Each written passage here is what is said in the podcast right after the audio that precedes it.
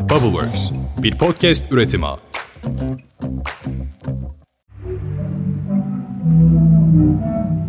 Bu ses sizce neyin sesi? Bir sokak sanatçısının çalgısından çıkan bir ses değil. Tarihi bir çalgının sesi de değil. Peki öyleyse neyin sesi? Bu ses bize Hırvatistan'ın Zadar şehrinden geliyor. Zadar'da bulunan bu deniz orgu dalgaların çarptığı anda bir ses uyumu içinde 7 akor çalan toplam 35 borusu olan taş merdivenlerden oluşuyor. Bu taş merdivenler sahil boyunca 70 metre uzunluğuna sahip yani 70 metrelik bir org.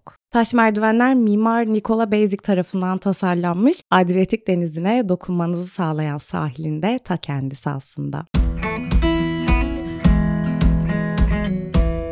Herkese selam, Ditopik Düşüncelere hoş geldiniz. Ben Dilara. Başlangıçta konuştuğumuz bu örnekte aslında mimarların eserlerinde müziği nasıl yorumladıklarına dair bir örnekten bahsetmiş olsak da aslında her bir örnekte aynı noktaya çıkıyoruz. Müzik mimariyi etkiler. Peki mimari müziği etkiler mi? Mimarlık sadece bir bina ya da yapı tasarlamaktan ibaret değil elbette. Aynı zamanda en iyi malzemeleri düşünmekle de ilgili. Aynı zamanda mimarların tasarladıkları aracılığıyla hangi duygu duyguları aktarmaya çalıştıklarıyla da ilgili. Aynı zamanda bir ekibi yönetmekle de ilgili. Yanlış ya da yabancı bir malzeme veya formda kullanmamayla bir düzen tutturmayla da ilgili. Peki bunlar size başka bir şey daha hatırlatıyor mu?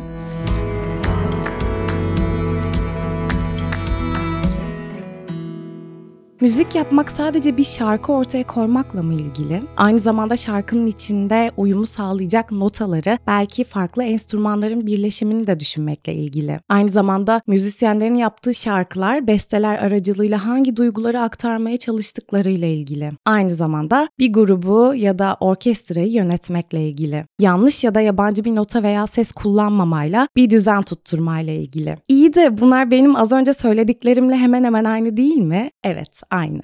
Mimarlık bölümünün ilk dersinde sınıfa giren hocamızın bize ilk söylediği şuydu. Mimar olmak bir orkestra şefliğidir. Bir orkestranın içinde olduğunuzu ve yönettiğinizi unutmayın. O orkestranın uyumlu gitmesi için çalışın. Bu söyleneni elbette anlıyorsunuz öğrenciyken. Ama bize asıl anlatılması gereken mimarlığın ve müziğin daha derinden bir bağı olduğu gerçekliğiydi. Size bugün anlattıklarımı bilseydim, öğrenciliğimde hem ülkemde hem de yurt dışında gezdiğim tüm binalara bu gözle bakardım. Ve şehirleri çok daha iyi anlardım. Sonra da bunu projelerimde kullanırdım. Ne demek mi istiyorum? Yani şunu. Her şehir kendine özgü şarkılarından oluşan bir albüm aslında. Her sokak bir şarkı. Biraz daha indirgersek her bina cephesi bir şarkı aslında. İyi de nasıl Dilara? Şöyle ki okuyabildiğimiz ve bu sihrin içine girebildiğimizde aslında her yapının bir müziği var ve biraz hayal gücüyle hepimiz bunu deneyimleme potansiyeline sahibiz. Yani ben her yapının müziğinden oluşan albümü dinleyebilmenize yardımcı olacağım bu bölümde. Ve bu podcast bölümü bittikten sonra ben sizde artık bu albümü okuyabilir ve binaların cephelerinden, sokakların ritminden, o mahallenin, şehrin albümünü dinleyebilir olacaksınız. Mimarlığın müziğin etkileriyle ilişkilendirirken insanların mekanlarla ve müzikle bazı benzer şekillerde etkileşme girdiğini gözlemleyebiliyoruz. Çünkü her ikisi de kişide benzer duygular uyandırabiliyor. Deneyimlediğimiz bu mekanlar ya da keyif aldığımız müzikler çeşitli tepkiler ve davranışlar sergilememizi sağlıyorlar.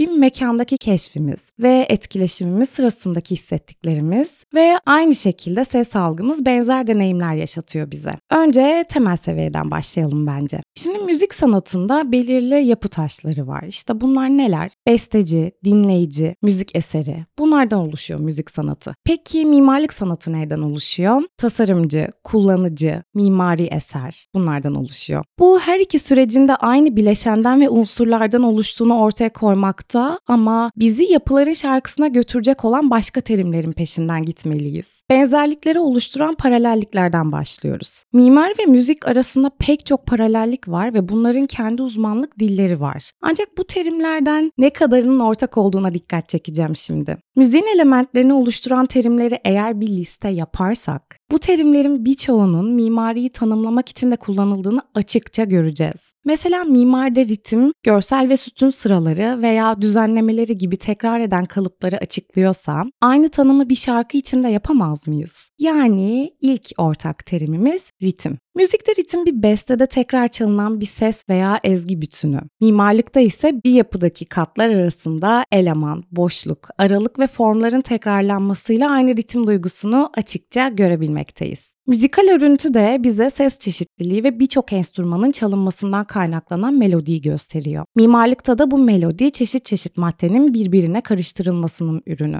Mimari projelerde her yapı, hatta her yapının cephesi, her peyzaj tasarımı, her şehir planlaması için bir ritim içinde olmamız istenir. Bir yapıda ve onun cephesinde mimari görseldeki ritim, sütun sıraları veya pencerelerin dizilişleri gibi tekrar eden örüntüleri tanımlayan bir dinamik olduğu gibi belli bir uzunluk boyunca içeri, dışarı veya yukarı aşağı ilerleyen cephedeki değişim ve varyasyonları da içerir. Yani biz yapıların cephesinde dümdüz ilerlemiyoruz. Her zaman planda ve cephede girintiler ve çıkıntılar yapmamız gerekir ve tabii ki bunlar da belirli parametrelere dayanıyor. Yani tasarımda hiçbir şey aslında kafamıza göre yapıyoruz şeklinde ilerlemiyor. Biz de bu parametrelerle birlikte bir ritim oluşturmalıyız yapıda. Ve bir yapının tasarımında tamamen uyumluluk oluşturacak benzerlikler olabileceği gibi farklı bir yapı malzemesinin kullanımıyla birbirine iyi oturan bir zıtlık da olabilir. Her iki durumda da yani benzerlikte de zıtlıkta da bir düzen varsa yapı kendi içinde uyum gösterebilir. Buna aslında armoni diyebiliriz. Müzikte armoni üretilen ses dengesi, dağıtımı ya da iç parçaların birbirine uyumlu gitmesinden ibaret. Parçalar arasındaki ilişkiyi gösteren oran müzikte notalar veya dönemler arasındaki mesafeleri de gösteriyor. Müziğin hareketli özelliğini gösteren bir dinamik yani. O da bir binanın ya da kütlenin cephesinde görünen bölümü. Yani bütün bu söylediklerimizden sonra ikinci ortak terimimiz ortaya çıkıyor. Uyum. Şarkı sahip olduğu uyum içinden birden zıt bir temaya kayabilir ama genelde bir birlik varsa zıtlık da uyumludur diyebiliriz.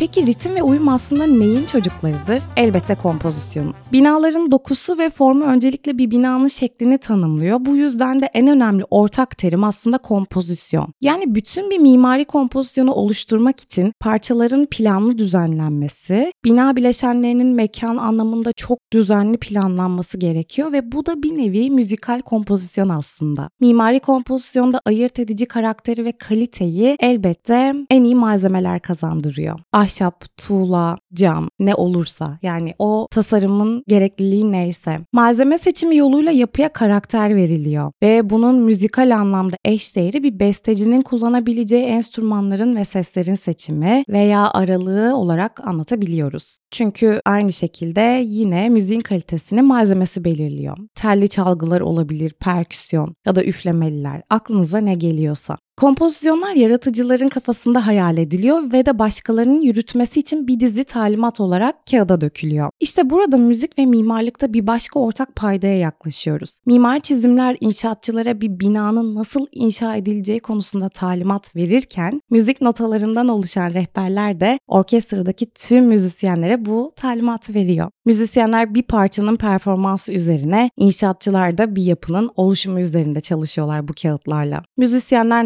notalarıyla müzik parçasını icra ediyor. Mimarlarsa mimar teknik çizimleri, eskizler ya da işte benzeri tüm çizimlerle. Bir ortak terimse boşluk. Yani sessizlik. Şöyle bir düşünün. Bazı şarkılarda bazı esler verilir ve sonrasında şarkı patlar. Başka bir akışa geçer. Çünkü müzik yaparken verdiğimiz birkaç saniyelik aralar bile dinleyiciye daha etkili ve bazen de müziğin kesintisiz devamından daha hoş geliyor. İşte aynı durum mimarda da var. Süre gelen kütleler devam ederken formda ya da cephede boşluklara ihtiyaç duyarız. Böylece mimardaki akışı sağlarız. Aslında kulakla yani duyma eylemiyle boşluk arasındaki ilişki düşündüğümüzden daha derin. Şöyle bir söz var. Sessizliğin olduğu yerde sesin, boşluğun olduğu yerde mekanın kıymeti bilinir. Bu nedenle müzikte de mimarlıkta da hem boşluğun hem de sesin dengeli olması gerekiyor. Tabi her şeyden sonra bütün bu terimlerin belli bir oranda olması beklenir. Oranlar söz konusu olduğunda bir şarkının notaları ve aralıklarıyla bestelenmesine yardımcı oluyorlar. Mimari için orantılar bir binanın dengesini doğru bir şekilde sağlamaya yardımcı oluyor. Peki bu kadar benzerlikten sonra hiç mi farklılık yok? Mimarlık ve müzik arasında paralellikler kurulabileceğini gördük.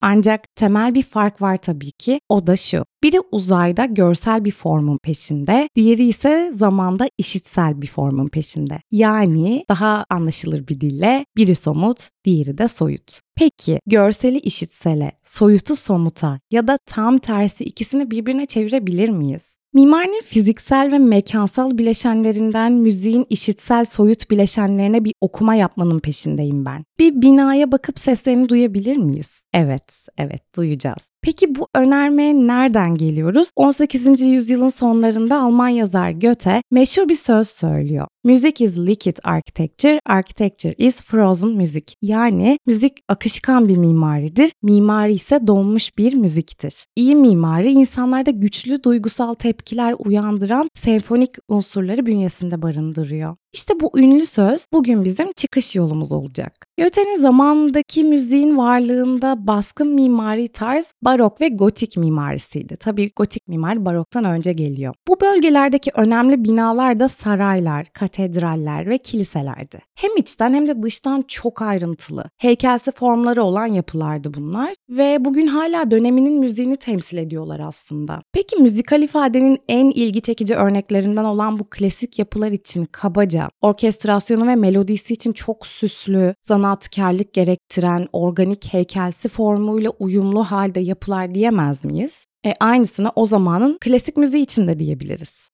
Mesela daha önce sıkça bu podcast'te bahsettiğim Paris'teki meşhur çelik makaslı, renkli borulu Pompidou merkezini düşünürsek kulaklarımıza bir klasik müzik çalınmayacak değil mi? Ya da fabrika benzeri bir fütüristik yapı olan, birbiriyle iç içe geçen veya çarpışan serbest akışlı dalgalı formu olan ünlü Guggenheim Müziğim bize belki de caz yapan bir şarkı. Yani hiçbir mimari yapı ve müzik çağının döneminin ekonomik yapısından, siyasetinden, savaşından uzak uzak kalarak şekillenebilen şeyler değil. Dış etkenlere oldukça açıklar. Peki bugün bunu nasıl yorumlarız? Bugünün müziğinden yola çıkalım. Birincil enstrümantal müzik elektronik belki de. Bunu söyleyebiliriz. Çünkü house, techno, dubstep, belki R&B ve hatta rap ve oradan da çokça davul ve bas gibi seslere kayabiliriz. Hatta günümüz pop müziğinin çoğu elektronik. Bunu hepimiz biliyoruz ve son 10 yılın beste aracı da bu. Yani bugünün müziği bir dizi bileşenin organize edilmiş hali ve bu organizasyon aslında bilgisayar destekli tekrarlardan oluşuyor. Şimdi yeni ofis bloklarının yani plazaların diyebiliriz. Tekrar eden cephelerini düşünün ve ardından müziğin tekrarlayan vuruşlarını. Bunu ben demiyorum. 2023 dünyasında pencereden baktığımızda gördüğümüz ofis yapılarının cepheleri ve radyoda denk geldiğimiz şarkılar söylüyor. Oluşturulan her tasarımda bu bir mimari yapıda olabilir, bir YouTube videosu ya da bir podcast bölümü ya da bir şarkıda, albümde dramatik bir kurgu olması bekleniyor. Bu dramatik kurgu kompozisyonu belirliyor, ritimle, uyumla, armoniyle ve oranla katman katman şekilleniyor. Ve hem besteci hem de mimar bu katmanları dikkatli bir şekilde bir arada tutmalı. Şimdi bu katmanlar arasındaki uyumu hem mimari hem de müzikte düşünün. Hem dinlediğiniz müziklerde hem de gördüğünüz bina cephelerini düşünün. Nasıl etkileşimde bulunabilirler? Birbirlerini tamamlıyorlar mı? Veya dramatik bir kurgu içinde tutarlı bir akıştalar mı? Ritme göre mi oturuyorlar yoksa kalıbı mı bozuyorlar? Boşlukları var mı mesela? Tekrarlayan akıştalar mı yoksa akış bozuk mu? Hem mimari hem de müzik, ritmi ve uyumu çağrıştıran bestelerse bir binaya bakıp onun müziğini hayal edebilir miyiz? Evet bu bölümün en güzel yerine geldik. Hayal edebiliriz. Önce biriktirdiğimiz ortak terimleri masaya dökelim. Neler söylemiştik? Uyum, ritim, armoni, boşluk, denge, oran, kompozisyon. Bütün bunların artık her ikisinde de hakim olduğunu bildiğimize göre gördüğümüz bir yapının artık donmuş müzik olduğunu biliyoruz. Ve onun bu müziğin akışkan bir mimari olduğunu da. Şimdi size müziği çıkarılmış örnek bir cepheden bahsedeceğim. İmkanınız varsa kağıt kaleminizi alın ve sizinle paylaştığım tüm sesleri sırasıyla çizmeye başlayın. Çok basitçe de olabilir. Karalama ya da sadece çubuklarla çizilmiş bir çizim de olabilir. Burada aradığımız profesyonellik değil, onu unutmayın. Sonrasında da aynı yöntemi yaşadığınız yapıda veya mahallenizdeki veya herhangi bir yerdeki yapılarda kolaylıkla uygulayabileceksiniz. Bakalım sıkıcı albümlerde mi yaşıyoruz yoksa efsanevi müzik kutularında mı? Bu çalışmada rahatlıkla görebileceğimiz şey şu. Müzik Müzik kompozisyonu tekrarlayıcıdır ve cephede de aynı tekrarlayan varyasyonları görürüz. Müziğini çıkaracağımız cephenin tasarımında da tekrarlanan 8 bölme olacak ve bu müziğin 8 barını takip ederek duyabileceğiz. Biz 4 bölmesini ele alacağız, 8 bölmesini değil. Yani gerçek cephe 8 bölmeden oluşuyor demek istiyorum. Bu cephenin görsel kompozisyonunda tanımlanmış olan düzeni ve ritmi, müzikte cephenin her bir bölümünü bir bar olarak ele almamızla başlıyor. Bu binadaki ana yapı malzemesi tuğla payeler, yani payeler dediğim taşıyıcı ayaklar. Bunlar da tekrarlı ve düzenli aralıklarla yerleştirilerek cephede bir ritim oluşturulmuş. Bunlar bizim taşıyıcı ana sütunlarımız olacak ve sesi de davulu temsil edecek edecek. Her bir katta veya malzemede ses değişecek. Bu da cephedeki ritmi farklı varyasyonlarda devam ettiğini gösterecek bize. Şimdi mimari cephemizin düşeyde 4 katlı, dikeyde tekrar eden bölümlerden yani nota kağıdındaki barlardan bahsediyorum tekrar eden bölümlerden oluştuğunu hayal edin. Bu tekrar eden bölümlerden dördünü ele alıyoruz. Şimdi size verdiğim seslerle cepheyi oluşturacağız ve siz de çizime başlayacaksınız. Sonra da cephenin ritmini bulacağız ve cepheyi çıkaracağız. Yani önden görüntüsünü. İlk adımımız bu dört barı birbirinden ayıran sütunlar.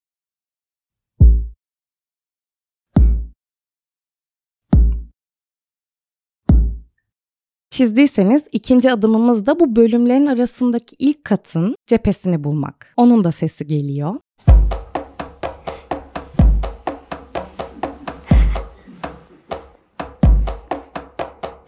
Üçüncü adımımız ise ikinci katın düşeyde cephesini bulmak.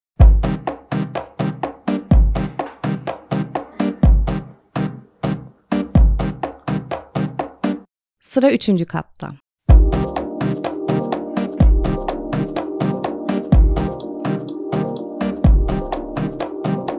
Bu katta birazdan melodik sesler duyuyoruz. Çünkü üçüncü katta balkonlu cepheler başlıyor. Yani açık havayla temas edebilen cepheler bunlar. Bunu temsil etmek için daha melodik bir ses kullandık. Dördüncü kata geldiğimizde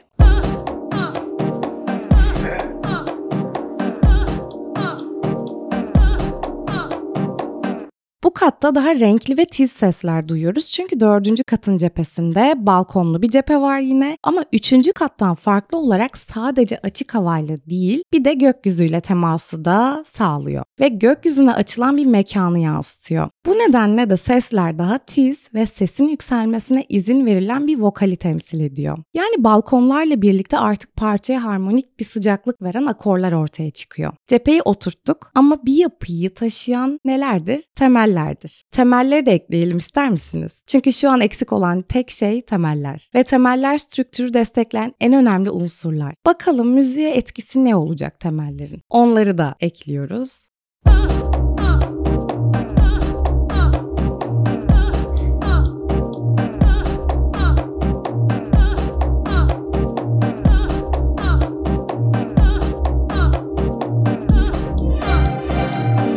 Dilara bu sondaki detay neydi derseniz onu da duyduğunuzu biliyorum. Hadi onu da siz tahmin edin ve bana ditopik düşüncelerden yazın. Bunu bilmek için mimar olmanıza gerek yok bu arada. Bana çizimlerinizi de gönderin ki paylaşayım ve bakalım nasıl cepheler çıkarmışız. Bu sondaki sesi de tahminlerinizde ekleyin ki ben de paylaşayım ve hep birlikte onun ne olduğunu bulalım. Bu çalışma bize şunu çok güzel bir şekilde gösteriyor. Müzik kompozisyonu tekrarlayıcıdır. Bu tekrarlar bir ritim, uyum, armoni, sessizlikler, boşluklar, doluluklar, daha büyük doluluklar, kendi içinde bir oran, denge ve ve en önemlisi hepsinin toplamıyla bir kompozisyon içeriyor. Biz bu basit çalışmayla bugün iki boyutlu bir okuma yaptık ama bina veya müzik dinlerken çizimlerimizle bu cephelerin üç boyutlu niteliklerini, derinliğini, girintilerini, çıkıntılarını, elemanlarını, ışık ve gölge oyunlarını da okuyabiliriz. Yani mimari bileşenleri sese çevirme konusunda çok daha ileri gidebiliriz.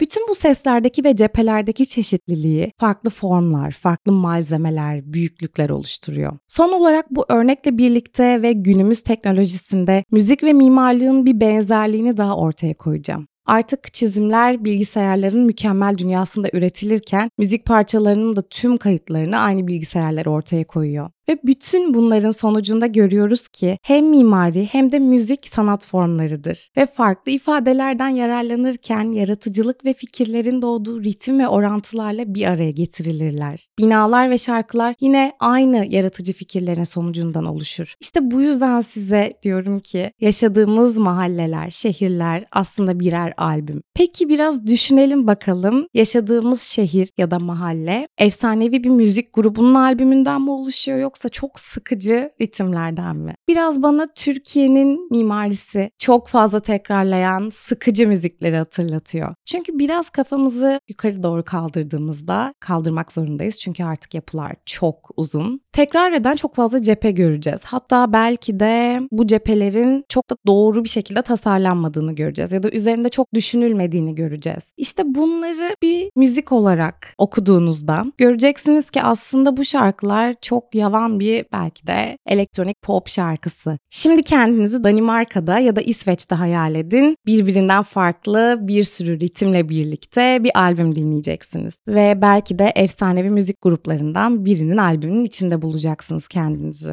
Yaptığımız çalışmada da gördük ki ritim bir şarkının kendine özgü ritmini kazanmasına izin verirken mimaride yapıların şekillerini tanımlıyor. Oranlar söz konusu olduğunda bir şarkının notaları ve aralıklarıyla bestelenmesine yardımcı olurlar. Mimari için orantılar bir binanın doğru dengesini ve formunu sağlamaya yardımcı oluyor. O halde müziğin mimariyi etkileyebilmesi şaşırtıcı değil değil mi? Yani evet, müzik akışkan bir mimaridir, mimari donmuş bir müziktir. Eğer siz de böyle mahallelerde dolaşırken bu müziği duyduğunuzu hissettiğiniz bir yapı görürseniz lütfen Dilara Sengul'u ya da ditopik düşünceleri etiketleyerek paylaşın. Ben de göreyim, biz de görelim ve böylece müziğin akışkan bir mimari olduğunu ya da mimarinin doğmuş bir müzik olduğunu hep birlikte birbirimize gösterelim. Bunun için beni takip etmeniz gerekiyor önce. Dilara Sengul ve ditopik düşüncelerden takip ederseniz bu podcast ile ilgili daha çok içerik görebileceğiniz gibi benim de ilham aldığım her şeyle ilgili bilgi sahibi olabilirsiniz. Ditopik Düşünceler podcast'i Spotify'dan da takip ederseniz gelecek olan yeni bölümleri hiç kaçırmadan takip edebilirsiniz.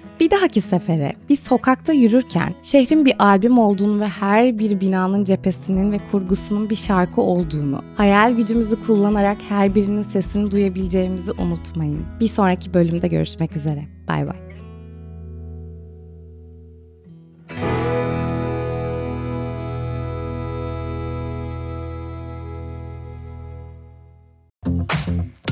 Bubbleworks bir podcast üretimi.